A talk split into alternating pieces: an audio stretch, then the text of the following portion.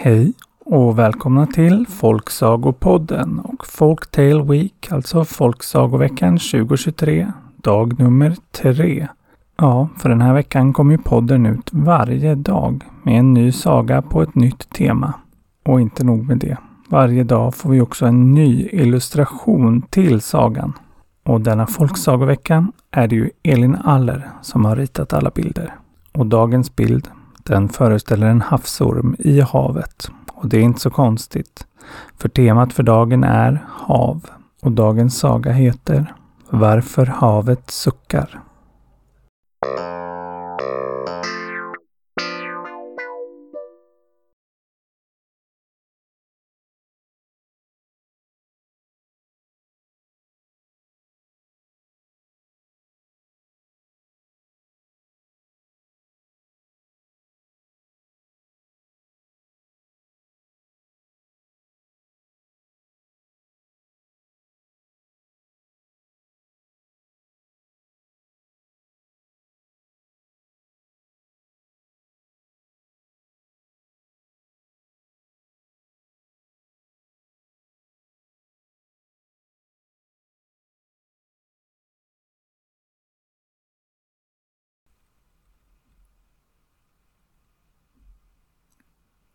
Det var en gång en liten prinsessa som bodde i ett stort slott som låg alldeles vid havet.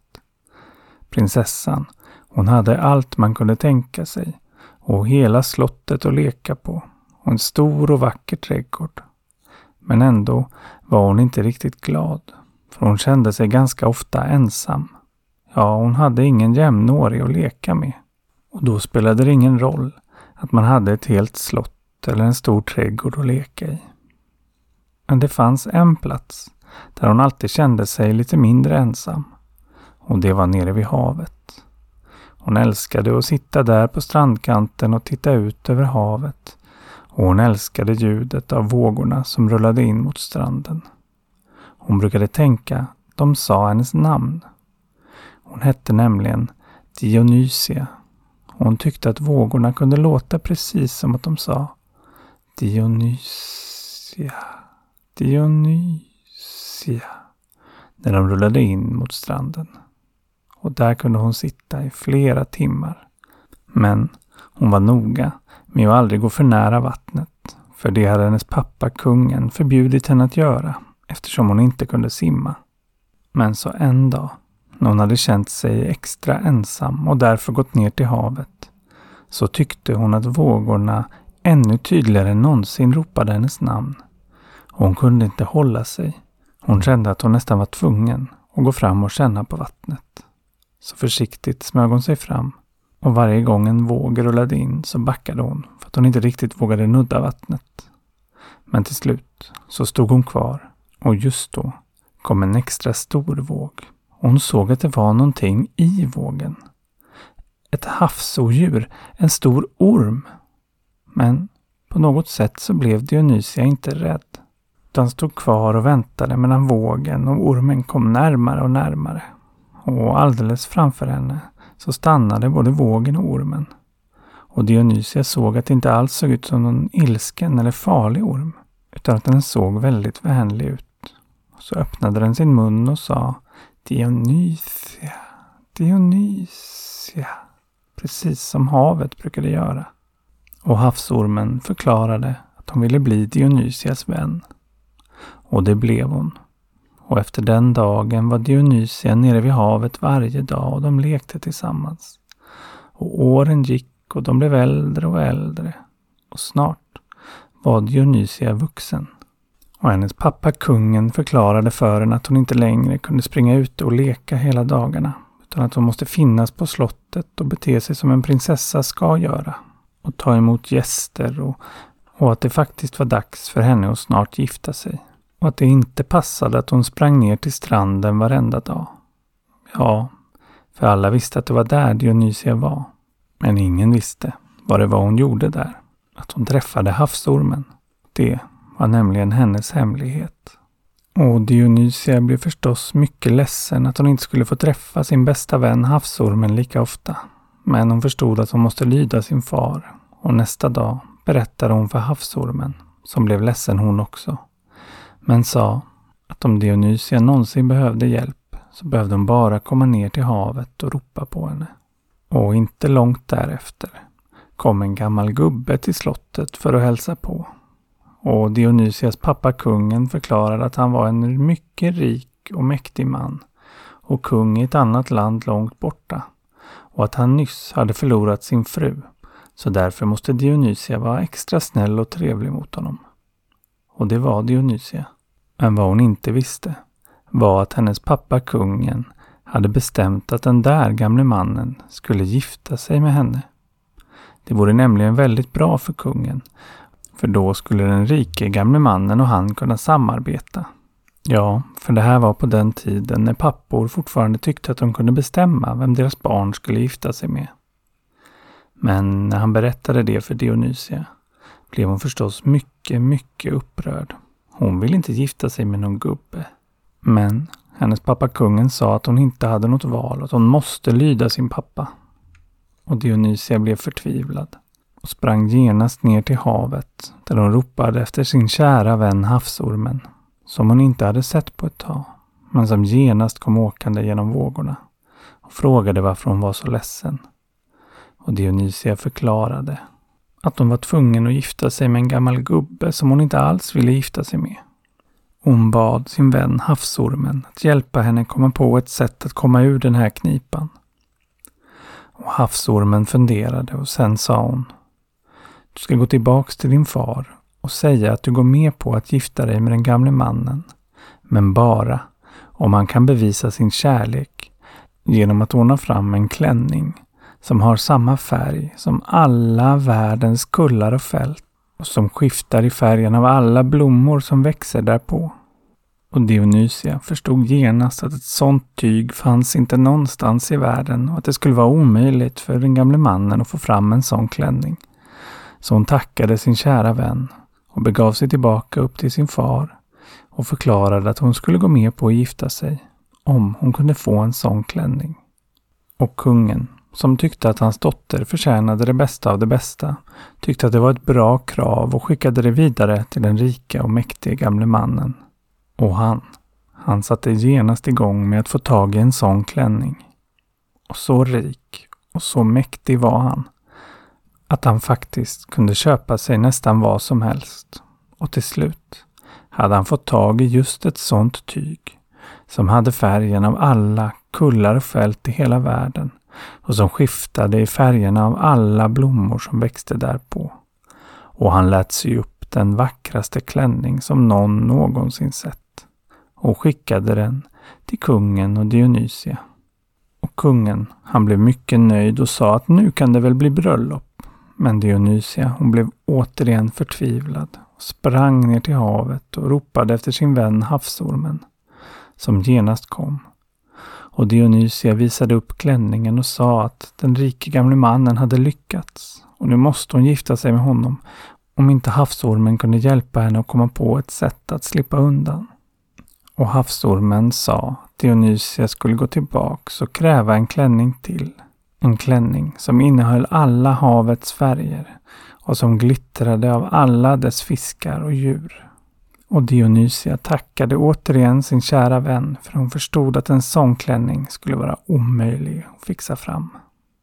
Kungen fick skicka ett bud till till den rike gamle mannen och han, han fick återigen använda sina pengar och sin makt för att börja leta efter ett tyg som var i alla havets färger och som glittrade av alla dess fiskar och djur.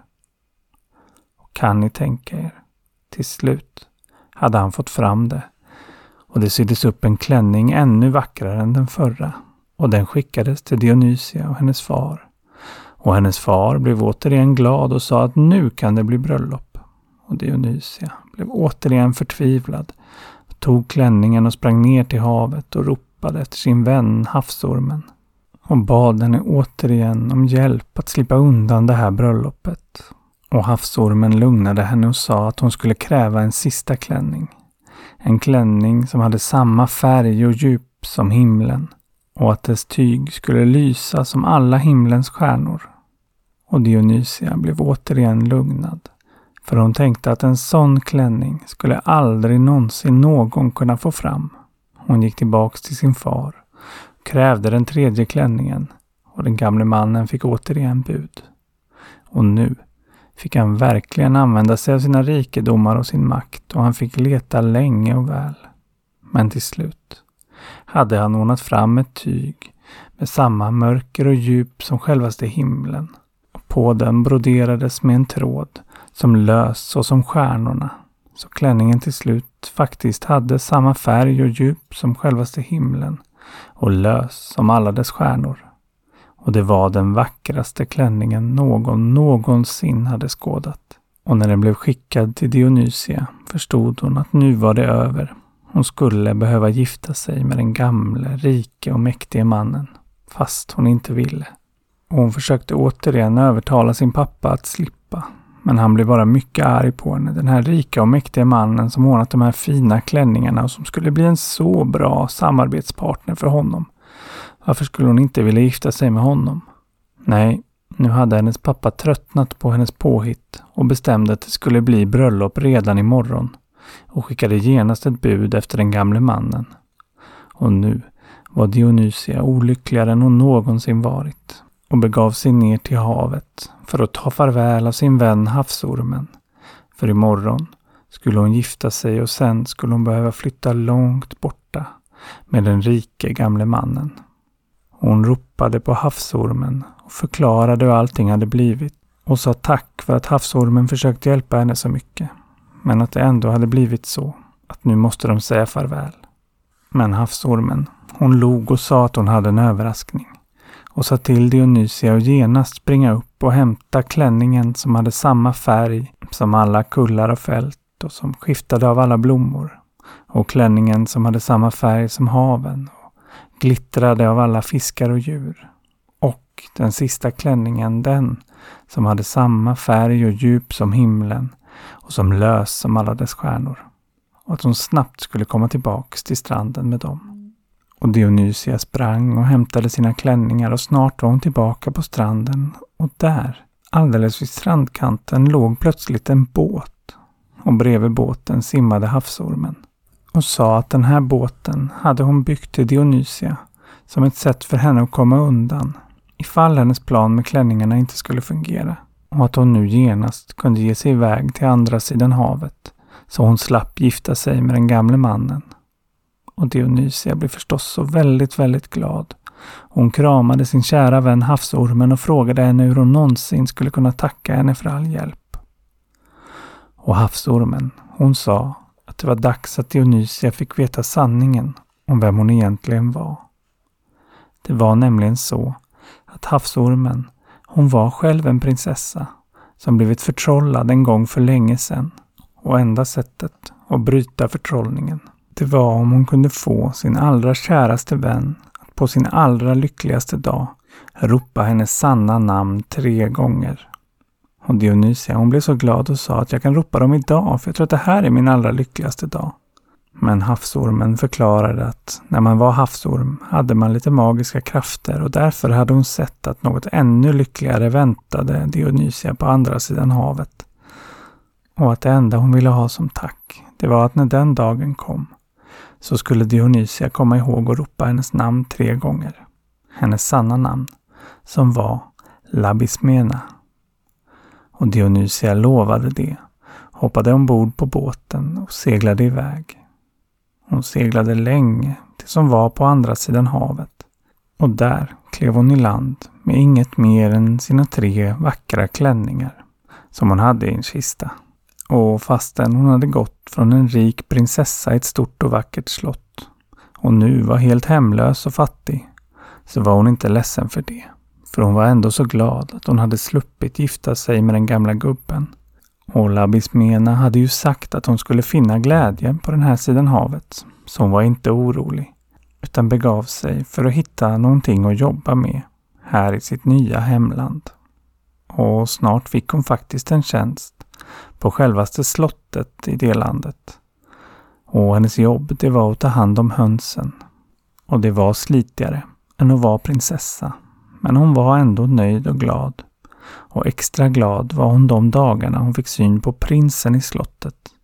Han var nämligen den vackraste hon någonsin hade sett.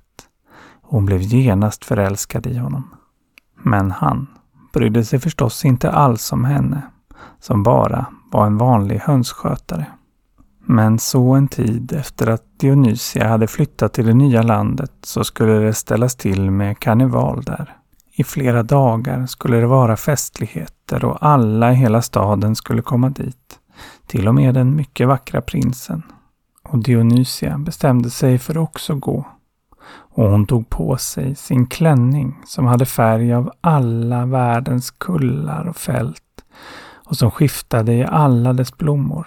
Och ni kan ju förstå att hon genast blev hela festlighetens mittpunkt. Alla ville titta på den vackra klänningen och alla ville förstås dansa med henne. Till och med den vackre prinsen. Och de dansade flera danser. Men han och ingen annan kände igen henne. Inte kunde de tro att en enkel flicka som vaktade hönsen kunde ha en så där vacker klänning.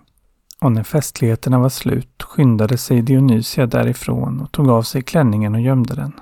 Men dagen efter, när festligheterna fortsatte, tog hon istället på sig klänningen som hade havens alla färger och som glittrade av alla dess fiskar och djur. Och gick dit. Och återigen fick hon all uppmärksamhet och prinsen, han dansade med henne nästan hela kvällen och tyckte han inte att han lite kände igen henne var hon inte väldigt lik. Nej, inte kunde det vara deras enkla hönsvakterska som hade en så där vacker klänning och var så där vacker. Nej, han kunde inte tro det. Och Dionysia vågade inte avslöja vem hon var.